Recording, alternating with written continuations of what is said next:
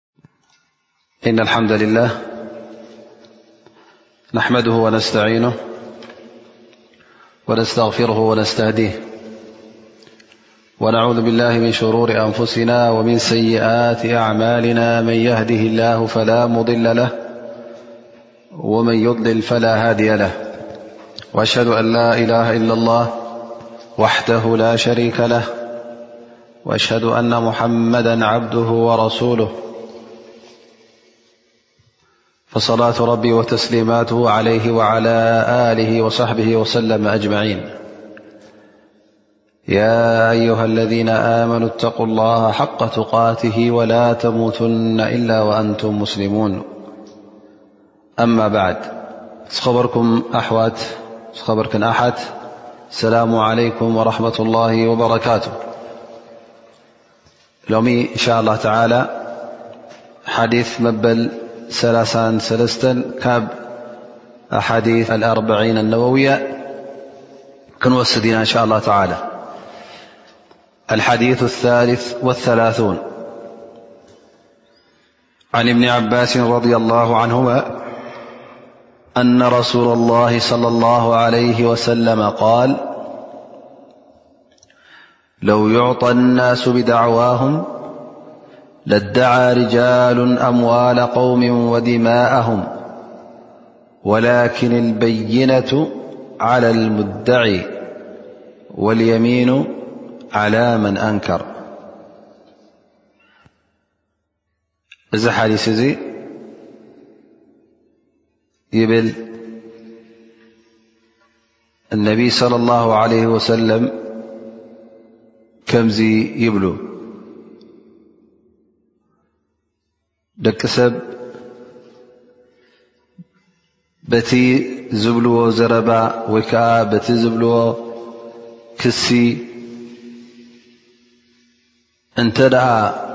እወሃቡ ነይሮም ኮይኖም ብዙሓት ሰባት ዘይናቶም ገንዘብን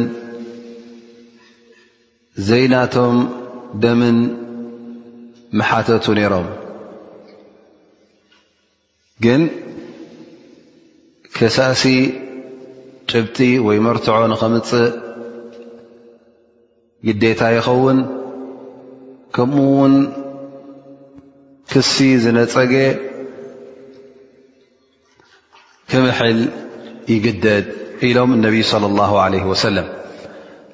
እዚ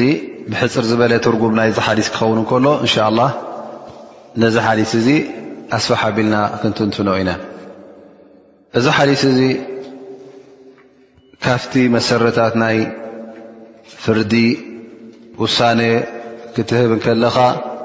ትብሎ እቲ ሒዝካዮ ትኸይድ ወይ ከዓ መሰረት ኮይኑካ ዓይንኻ ክርሕቕ ዘይብሉ ወይ ከዓ ካብ ኣእምሮኻ ክርሕቕ ዘይብሉ ሓዲ ይኸውን ማለት እዩ ምኽንያቱ ባስን ምስዕሓብን ክርከብ እንከሎ ነዚ ሓዲስ እዚ ክትጥቀመሉ ትኽእል ስለዚ እማም እነው ይብል እዚ ሓዲስ እዚ ዓብዪ መሰረት ዓብ ቐንዲ ካብቲ ናይ ሽርዒ እስልምና ካብቲ ናይ ፍርዲ መሰረት እዩ ይብል ማለት እዩ ምክንያቱ ደቂ ሰብ ንለሐዶም ክፍረዱ ከለዉ መሰሎም ምእንቲ ንክሕሎ ፍትሒ ንክቀውም ከምኡ ውን ኩሉ ነናቱ ምእንቲ ክወስድ እዚ ሓቂ ወይ ከዓ እዚ ሓዲስ እዚ ከም ግቡእ ክንቅየደሉ ይግባእ ብ እዚ ሓዲስ እዚ ይብል እቲ ከሳሲ ክኸስስ እንከሎ ግዴታ ጭብጢ ከምፅእ ኣለዎ ወይ መርትዖ ክቕርብ ኣለዎ እዚ መርትዖ እዚ በባይ ዓይነት እዩ ግን ሓደ ካብቲ መርትዖታት ዝጥቀሞ ማለት ጭብጢ ኮይኑ ንዕኡ ሓቀኛ ከም ምዃኑ በዓል ሓቂ ከም ምዃኑ ዘብቅዖ ንኣብነት ምስክር ክቕርብ እንከሎ ማለት እዩ ምኽንያቱ እዚ ምስክር እዚ ነቲ ሓቂ ኣበይ ከም ዘላ እዚ ምስክር እዚ እንደገና ምስቲ ናቱ ጥርዓን ምስቲ ናቱ ክሲ ተደሪቡ ከም መርትዖ ኮይኑ ክቐርብ እንከሎ ነቲ ቃል ናቱ ይትረሉ ማለት እዩ ነቲ ዝብሎ ዘሎ ዘረባ እውን ናብ ሓቂ የብቅዖ ማለት እዩ ስለዚ እዚ ቃል መስካሪ ዓብ ግደ ኣለዎ ማለት እዩ ነቲ ጉዳይ ናብ ሓደ ዓይነት ውሳነ ንኸብፅሖ ስለዚ ሸሃዳ ወይ ከዓ ምስክርነት ክበሃል ከሎ ናይ ዓይኒ ምስክር ክበሃል ከሎ ኩሉ ግዜ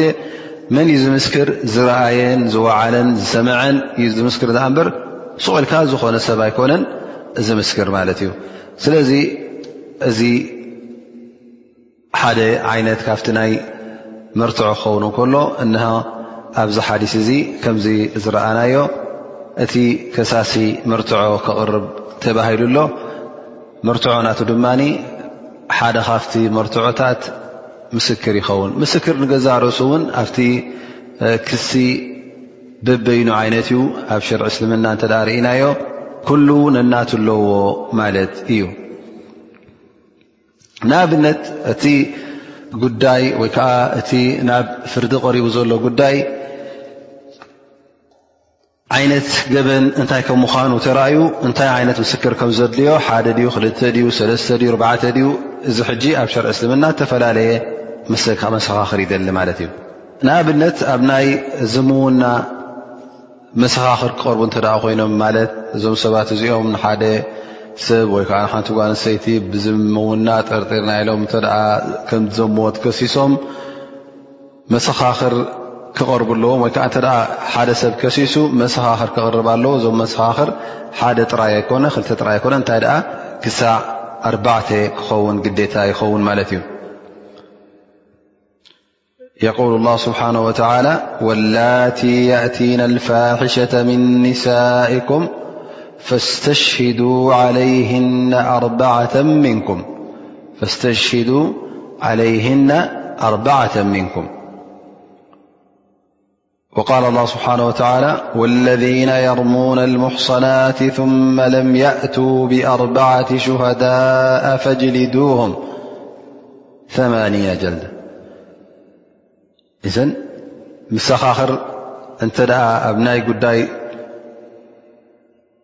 ዝምውና እንተ ደኣ ኮይኑ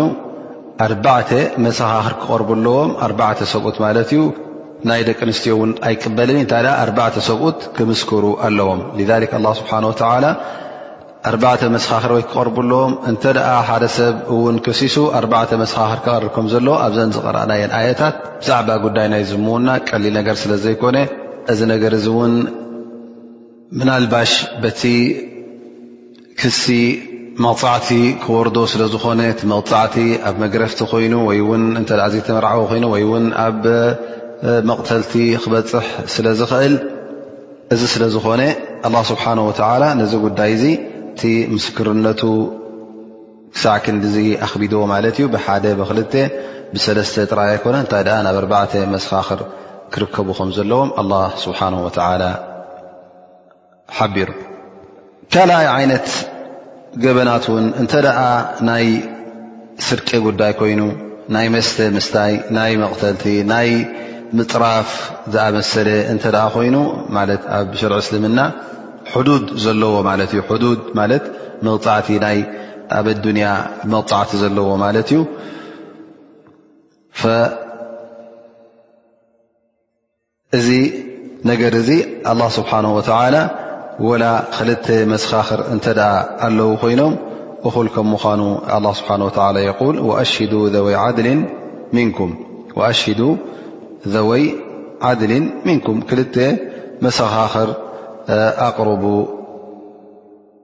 ኢሉና ኣላ ስብሓን ወተላ ስለዚ ክልተ ሰብኡት መሰኻኽር ኣብዚ ጉዳይ እዚ ክርከቡ ኣለዎም ከምኡውን ናይ ደቂ ኣንስትዮ ኣብዚ ጉዳይ እዚ እቱ ኣይኮነን ምስኡ እቱ ዝኾነ ውን ይብሉ ዑለማ ናይ መርዓ ናይ ፍትሕ ጉዳይ እውን መሰኻኽር ክልተ ሰብኡት የድልዩ ይብሉ ዑለማ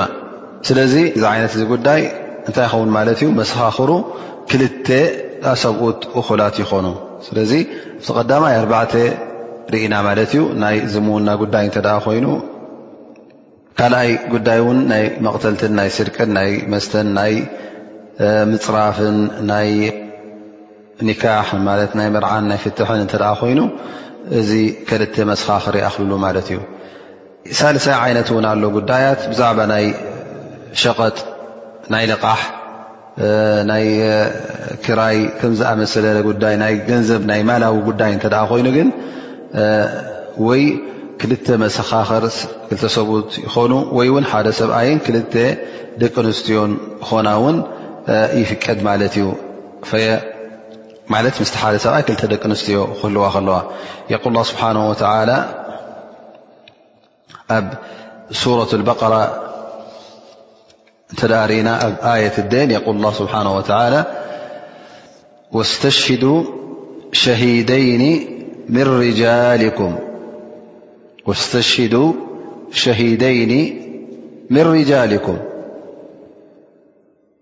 فإن لم يكونا رجلين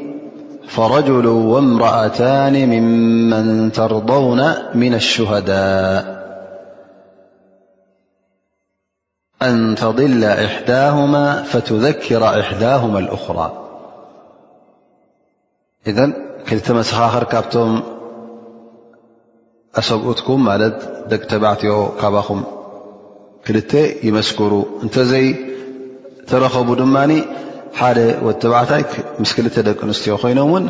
ይምስክሩ እዮም እዚ ሕጂ ጉዳይ ናይ ምታይ ክኸውን ከሎ ዩ ጉዳይ ናይ ማል ናይ ገንዘብ ክኸውን ከሎ ከተመስከር ከለኻ ከተለቅሕ ክትሸይጥ ክትልውጥ እንከለኻ ወስያ ክትገድፍ እንከለኻ ናይ ገንዘብ እንተ ኮይኑ እዚ ሕጂ ከምዚ ይኸውን ማለት እዩ ራብኣይ ዓይነት እውን ኣሎ ናይ ጉዳይ ናይ ምጥባው እንተ ኮይኑ ናይ ምውላድ ናይ በካራ ማለት ጓል ምዃናን ዘይምዃናን ናይ ጓል ንሰይቲ ብማዕና ማለት እቲ ጉዳይ ብጀካ ደቂ ኣንስትዮ ዘይርእዑ እንተ ኮይነን ኣብዚ ምስክር ናይ ደቂ ኣንስትዮ ጥራይ ይቕበል ማለት እዩ ስለዚ እቲ ጉዳያት ናይ ደቂ ኣንስትዮ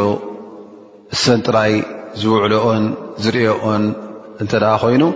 ግዴታ ወ ተባዕታይ ክምስክር ኣለዎ ኣይበሃልን እዩ እንታይ ደኣ እተን ደቂ ኣንስትዮ ባዕለን ተመስከረኦ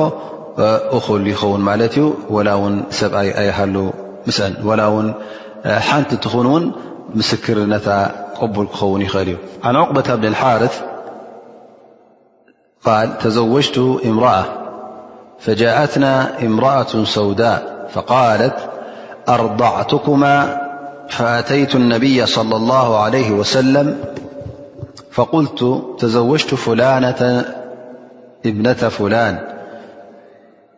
جاءتنا امرأة سوداء فقالت لي إني قد أرضعتكما وهي كاذبا فأعرض عنه فأتيته من قبل وجهه قلت إنها كاذبا قال كيف بها وقد زعمت أنها ق أرضعتك ዳعه عን فፋረقه عقب ونكሓት ዘوجا غير ኣብዚ ሓዲስ እዚ እንታይ ዝብል ዘሎ ዑቕባ እብኒ ሓርፍ ዝበሃል ይብል ኣነ ሓደ ግዜ ሓንቲ ሰበይቲ ተመርዕየ ዝተመርዓኽዋ ሓንቲ ሰበይቲ ፀላም ሰበይቲ መፅኣ ትብለኒ ኣነ ንዓኻን ነዛ ሰበይትኻን ኣጥቢወኩም እየ ስለዚ ክልትኹም ኣሕዋት ኹም ክትመራዓውስ ኣይግባእን እዩ ኣይፍቀድን እዩ ኢላ ተዛሪባትኒ ከምዚ ምስ በለትኒ ተኺለናመን ይኸይድ ይብል ናብ ነቢና ሙሓመድ ለ ላ ለ ወሰለም ከይደ ይብል ናብ ነቢና ሓመድ ስ ሰለ ከይደ ያ ረሱላ ላ ኣነ ንክስቶ ጓል ክስቶ ተመርዐያ ግን ሓንቲ ሰበይቲ ፀላም ሰበይቲ መፅያ ኣነ ኣጥቢወኩም እየ ኢላህና ኣነ ድማ እዛ ሰበይቲ እዚኣ ኣመንክዋን ሓሳዊት እያ መስለኒ ትሑስ እያ ዘላ ኢሉ ነቢና ሓመድ ስ ሰለም ተዛሪቦ ነቢ ስ ሰለም ገጾም ንንዮ ገይሮም ማለት እዩ ዘግዘረባ ምስ ተዛረቦም ይብል ናብቲ ገጾም ዝለወጥሉ ወገን መፅኤ ድማ እንደገና ተዛሪበዮም ንረሱ ሰለ ያ ረሱላ ላ እነሃ ካዚባ እዚኣስ ሓቂ ኣይኮነትን ሓስያ እያ ኢለ እንደገና እውን ተዛሪበዮ ነቢ ስለ ላ ለ ሰለም ቃል ከይፈ ብሃ ወቀድ ዘዓመት ኣነሃ ቀድ ኣርضዓትኩማ ዳዕሃ ዓንክ እዛ ሰብ እዚኣ ካብ ተዛረበት ኣጥቢኩም እያ ካብ በለት በቃ እታ ተመርዒኻያ ዘለኻ ሰበይቲ ግደፋ ፍትሓ እያ ማለት እዩ ፋረቕቱሃ ይብል እዚኣ ምስ በለኒ ነቢ ስ ሰለ ምስ በሉኒ ገዲፈያ ብድሕረይ ድማ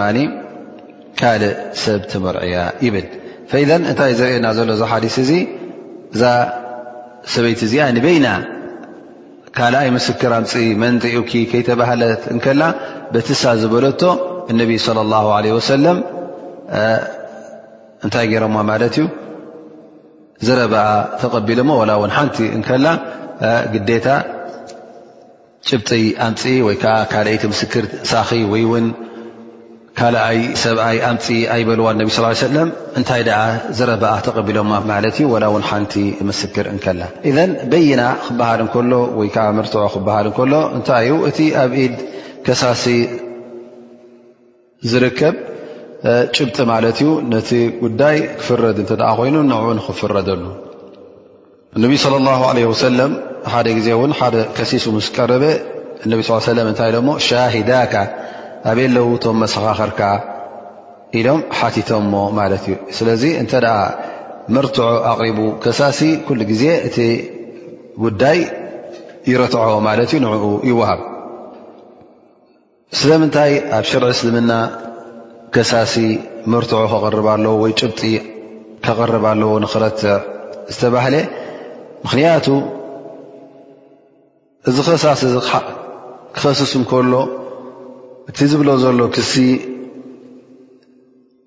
እቲ ዝጠርዖ ዘሎ ጥርዓን እንተ ደኣ ርእናዮ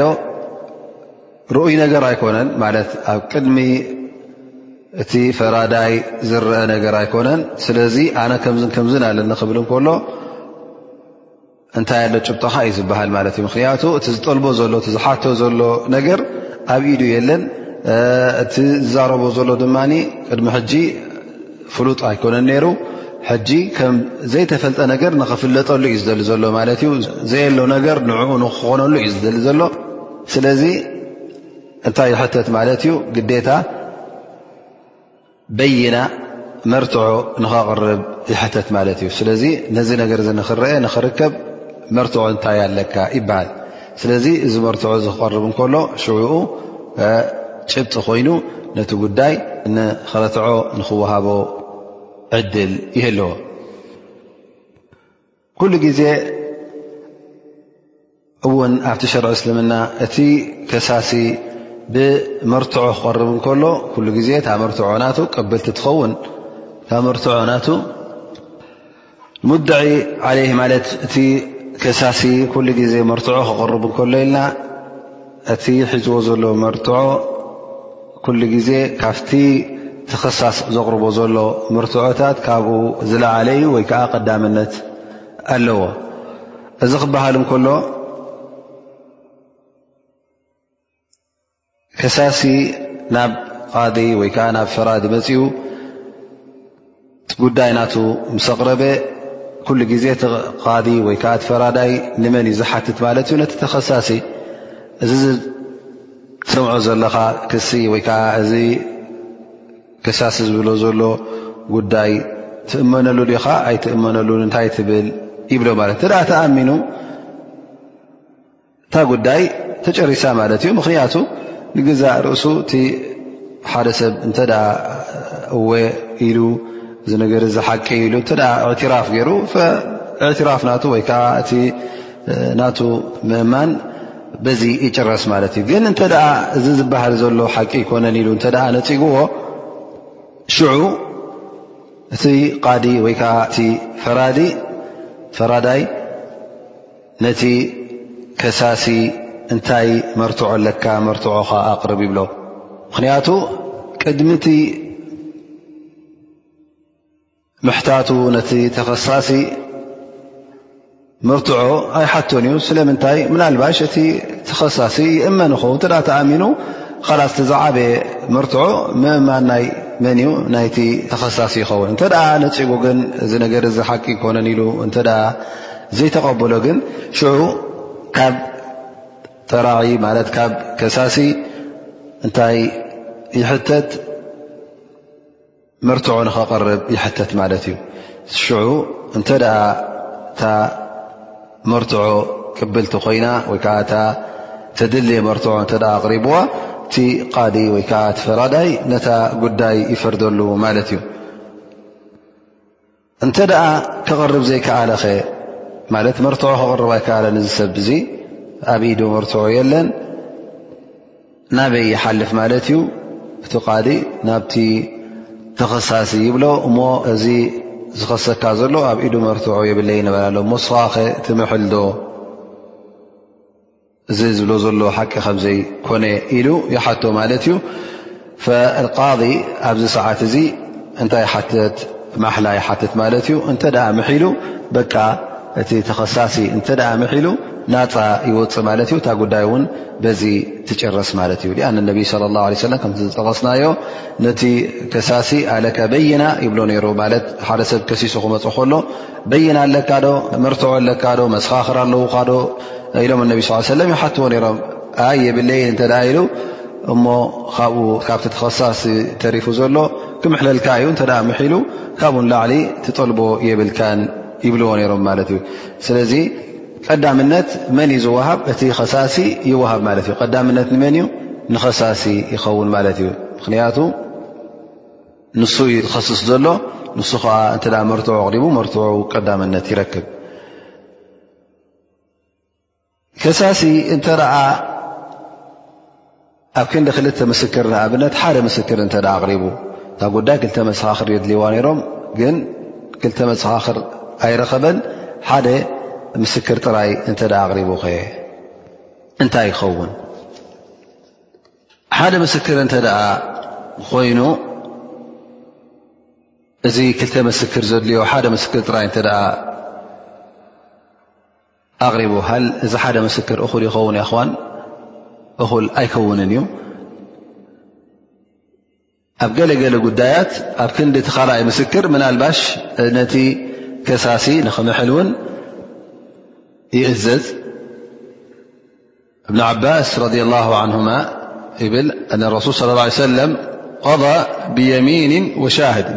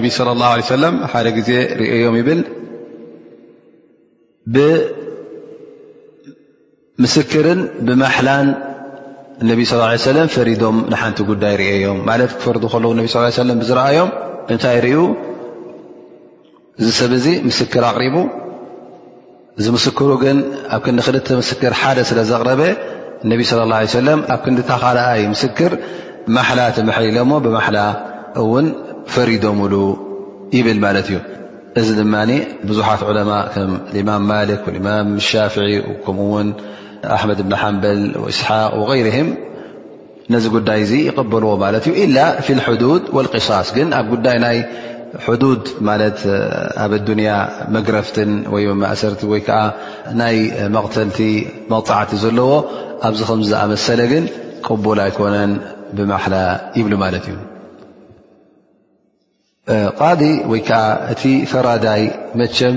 እቶም መሰኻኽር ክቐርቡ ከለዉ እንተደልዩ ከምሕሎም ማለት እንተ ብዝያዳ ነቲ ጉዳይ ጭብጢ ዘልሉ ኮይኑ ንከምሕሎም ይፍቀድ ማለት እዩ ንከምሕሎም ይፍቀድ እቶም መሰኻኽር ቀሪቦም ዘለዉ ወላ እውን ከም መሰኻኽር ይቕረቡ ድኣ እምበር እዚ ፈራዳይ እዚ እንተ ዝያዳ ጭብጢ ደልዩ ነዞም መሰኻኽር ከምሕሎም ይኽእል እዩ ማሓላ ውን መሓሊሉ ክሓቶም ይኽእል እዩ ኣን እማም ኣሕመድ ሰኢል ን ሃ መሰላ ብዛዕባ እዛ ጉዳይ እዚኣ እማም ኣሕመድ ብን ሓምበል ተሓቲቶም ፈይብሉ ዓሊ ብን ኣብጣልብ ነዚ ነገር እዚ ገይሮሞ እዮም ማለት ነቶም መሰኻኽር ክምስክሩ ምስ መፁ ንክምሕሉ ሓቲቶሞም ማለት እዩ በል እማም እብኒ ረጀብ ይብል ኣብ ቁርን እውን እንተ ርእና እንተ ጥርጥር ኣለ ኮይኑ እቶም መሰኻኽር እንተ ጥርጥሮም ኮይንካ ኣብ ወስያ ንኣብነት ኣብ መገሻ ኣላ ስብሓን ወተላ ይብል ኣብ ናይ ወስያ ኣብ መገሻ ከለኻ እንተ እቶም መሰኻኽር ክምስክሩ እንተ ኮይኖም እንተ ጥርጠራ ኣሎ ኮይኑ ነቲ ጥርጠራ ምእንቲ ክጠፍእ ንኸነምሐሎም ኣላ ስብሓን ወተላ ኣፍቂዱልና እዩ ይብል ነዚ ጉዳይ ዚ ከመርትዖ ዘቕረባ እውን ኣብ ሱረት ልማኢዳ ዘላ ኣብ ኣያ 6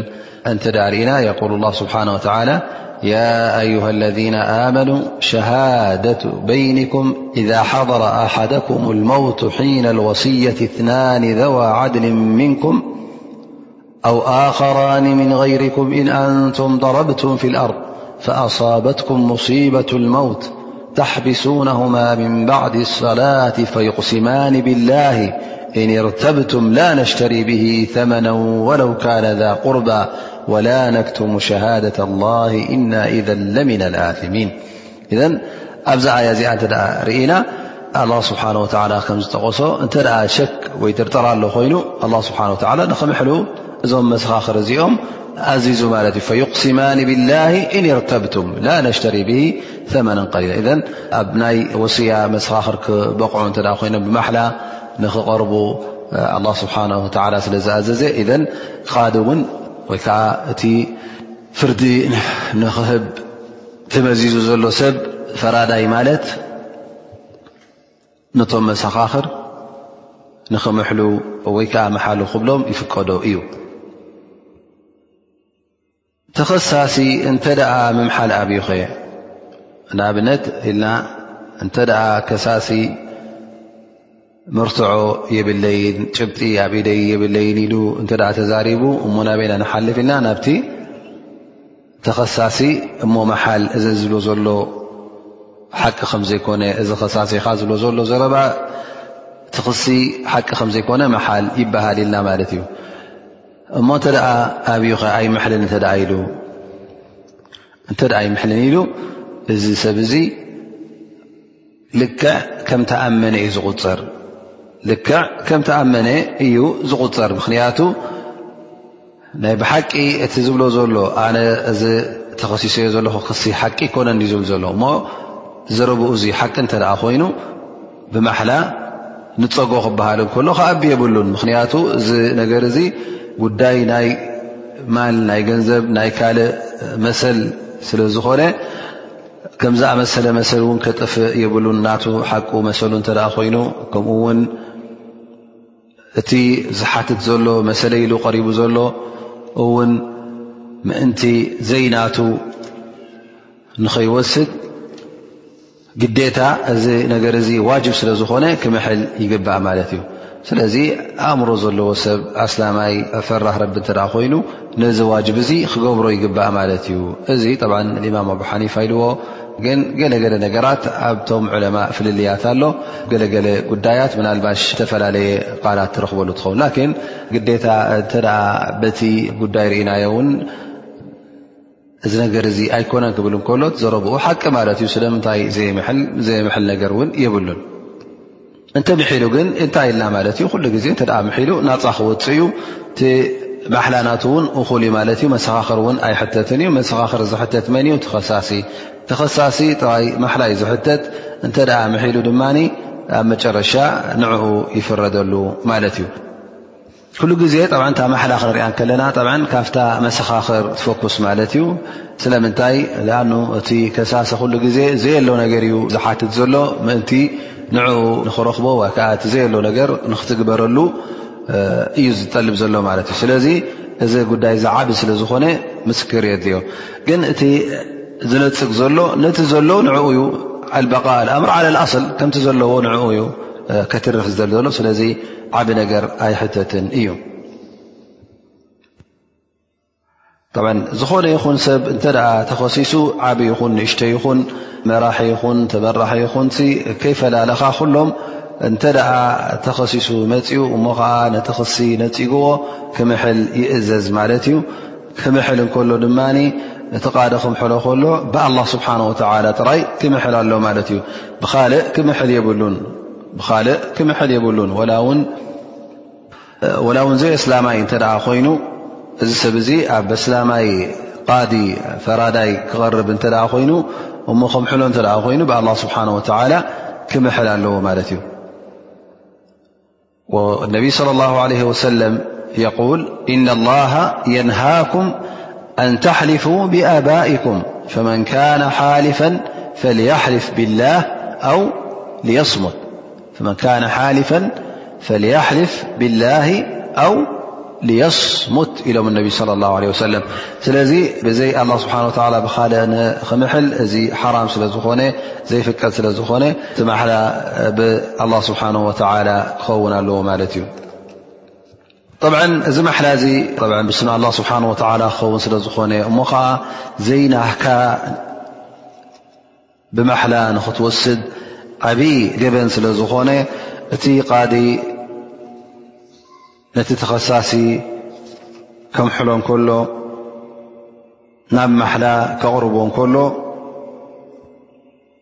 እቲ ዝብሎ ዘሎ ጉዳይ ወይ ከዓ እቲ ዝጋገዮ ዘሎ ጌጋ እንተ ዝጋገ ኣለ ኮይኑ ዓብ ከም ምዃኑ ከጠንቅቆ ኣለዎ ማለት እዩ መውዒዛ ክቦ ኣለዎ ማለት እዩ ካብ ኣላ ስብሓን ወተላ ክፈራርህ ኣለዎ ማለት እዩ ምክንያቱ እዛ ዘረባ እዚኣ እዛ ማሓላ እዚኣ ብሓሶት እተ ኮይና ብሓሶት እተ መሐ ሉ ኮይኑ እቲ ጉዳይ ቀሊል ከም ዘይኮነ መቕፃእቱ ኣብ ኣላ ስብሓን ወላ ከቢድ ከም ምኳኑ ከብርሃሉ ኣለዎ ማለት እዩ ዩዘኪር በቲ ቃል ኣላ ስብሓን ወላ የቁል ስብሓን ወላ ኢነ ለና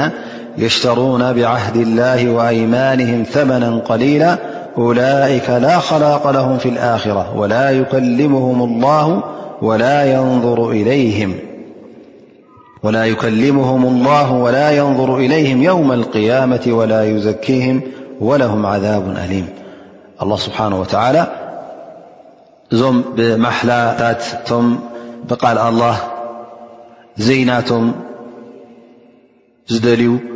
ውሑድ ናይ ኣዱንያ ረብሓ ዝገዝኡ እዞም ሰባት እዚኦም ኣላ ስብሓን ወተዓላ ከምዛ ብዛ ኣያ እዚኣ ዝረኣና ኣብ ዮም ኣልቅያማ ምንም ዕድል ከም ዘይብሎም ኣላ ስብሓን ወተዓላ ፍፁም ድማ ግልፅ ከምዘይብሎም ከምዘይዛረቦም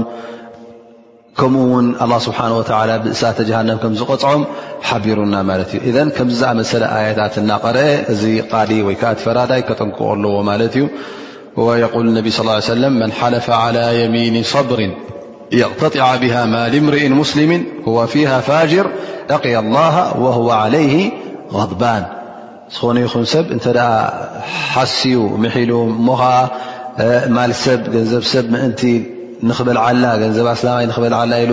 ሓስዩ እተ ምሒሉ ኣብ ዮም ቅያማ ን ስብሓ ተቆጢዑ ዩ ክረኽቦ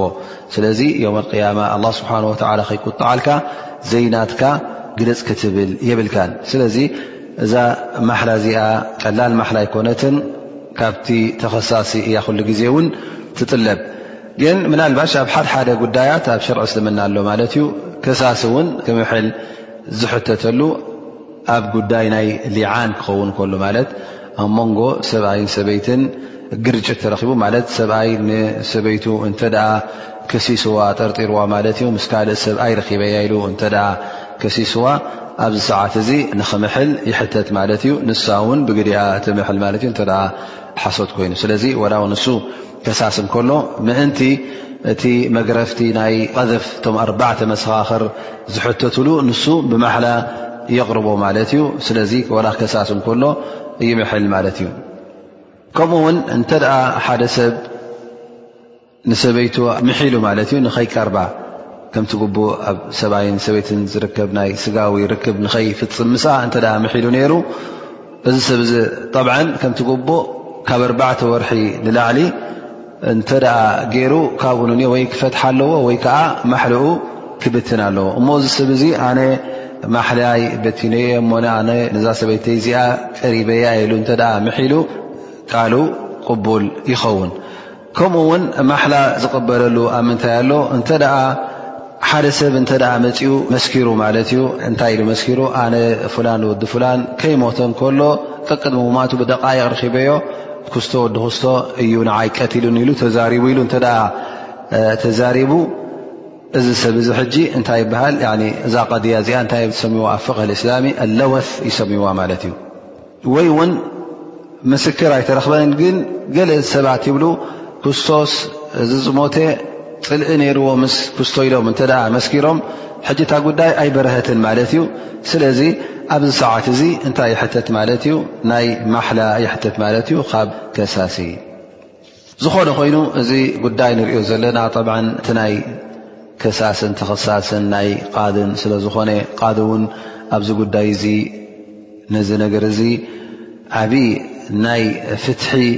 ጉዳይ ስለዝኾነ ደቂ ሰብ ድማ ኣብዛ ኣዱንያ ካብ ሃለዉ ነንሕዶም ከይተባእሱን ከይተመናዝዑን ስለዘይተርፍ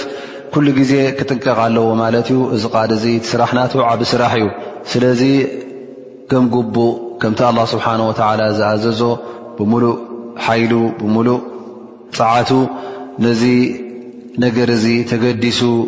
ከስተባህለሉ ኣለዎ ኩሉ ግዜ ፍትሒ ክፈርድ ኣለዎ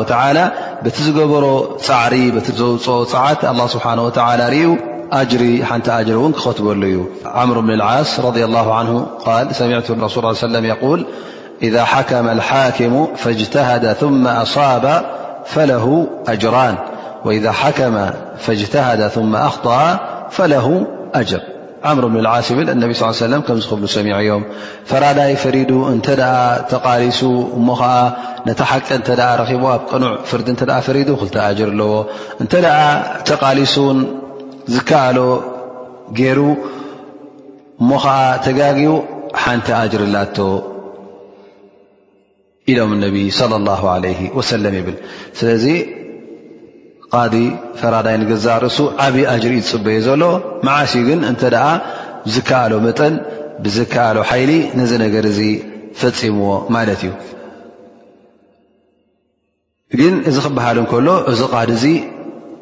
ጠብዓ ዝከኣሎ ሓይሊ ብዝከኣሎ መጠን ተቓሊሱ ክንሎ ከለና መጀመርያ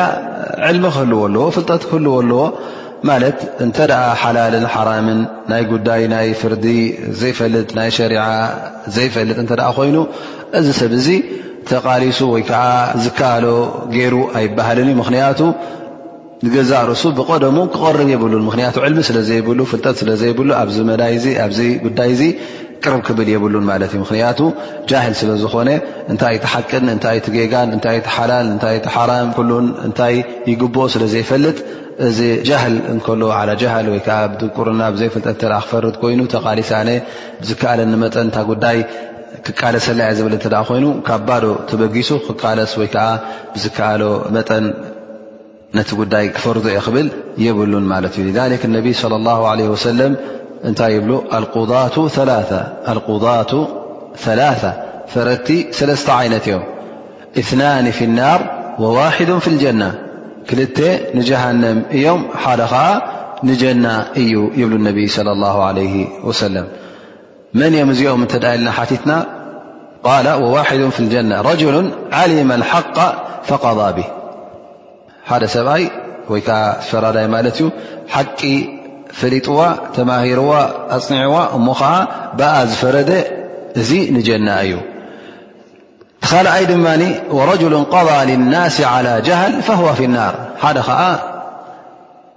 ክፈርድ መፅኡ ክፈርድ እንከሎ ግን ብዘይ ዕልሚ ብዘይ ፍልጠት ካብ ጃህል ተበጊሱ ማለት ካብ ድንቁርና ተበጊሱ እንተ ፈሪዱ እዚ ሰብ እዚ ንእሳ ተጀሃንም እዩ ምክንያቱ ክእለት ናይ ፍርዲ ስለ ዘይብሉ ደንቆሮ ስለ ዝኾኑ ክፈርድ ስለዘይፍቀዶ ክፈርድ ስለ ዘይክእል በቲ ዝፈረዶ ፍርዲ ንእሳ ተጀሃንም ይኸውን ማለት እዩ ምክንያቱ ዘይናትካ ዘይመሰልካ ኣኽበካ ስለዝኾነ በዓል መሰል ንበዓል መሰል ቀንጢጡ ንዘይ በዓል መሰል ክህብ ስለ ዝኾነ ወረጅሉ ዓርፈ ሓቃ ፈጃራ ፊ ልክሚ ፈዋ ፊ ናር ኣሎ ድማ ሓቂ እናፈለጠ ከሎ ተማሂሩ ከሎ ሕጊ ተማሂሩ ከሎ ሸርዒ ተማሂሩ ከሎ ዕልሚ እናፈለጠ ከሎ ምእንቲ ገንዘብ ኮይኑ ምእንቲ ስልጣን ንምርካብ ኮይኑ ወይ ከዓ ብዘብልዕዎ ጉቦን ረሽዋን ተጠቢሩ ኮይኑ ነታ ሓቂ ገዲፉ ብዘይ ሓቂ ክፈርድ እንከሎ ክዕምፅ እንከሎ እዚ ድማ ንእሳተ ጀሃንም ይኸውን ማለት እዩ ኣላ ስብሓን ወተላ እዚ ሸርዒ እስልምና ክንሪኦ ከለና ሙሉእ ዘይጉዱል ገይሩ እዩ ኣውሪዱልና ጉዳይ ናይ ፍርዲ ይኹን ናብ መንጎና ዝርከብ ናይ ምስሕሓብ ከመይ ጌርካ ክፍረድ ከም ዘለዎ እቲ ስነ ስርዓት ናይ ፍርድን ስነ ስርዓት ናይ ፈራዳይን ስነ ስርዓት ናይ ከሳስን ተኸሳሳይን ኣላ ስብሓን ወተላ ኣብቲ ሸርዒ ኣንቢርዎ ማለት እዩ እዛ ሓዲስ እዚኣ ሕፅር ዝበለት ሓዲት እያ ተን ቃላታ እውን ሕፅር ዝበላ ቃላት እየን ግን ሓንቲ ካብቲ መሰረታት ናይ ምንታይ ኢልና ማለት እዩ ካብቲ መሰረት ናይ ቐضእ መሰረት ናይ ፍርዲ ናይ ቤት ፍርዲ ትኸውን ማለት እዩ ኣ ኣልበይነቱ ዓለ ሙደዒ ኩሉ ግዜ ከሳሲ እንታይ ይሕተት መርትዖ ንኸምፅእ ይሕተት ተኸሳሲ ድማ እንተ ደኣ መርትዖ ዘይተረኸበ ብማሓላ ካብቲ ነገር ናፃ ክወፅእ ከም ዝኽእል ሓቢራ ማለት እዩ ናይ ሎም መዓልቲ ደርስና እንሻ ላ በዚ ይድምደም ኣቁል ቆውሊ ሃ ኣስኣላ ስብሓን ወላ ኣየንፋዕና ብማ ሰሚዕና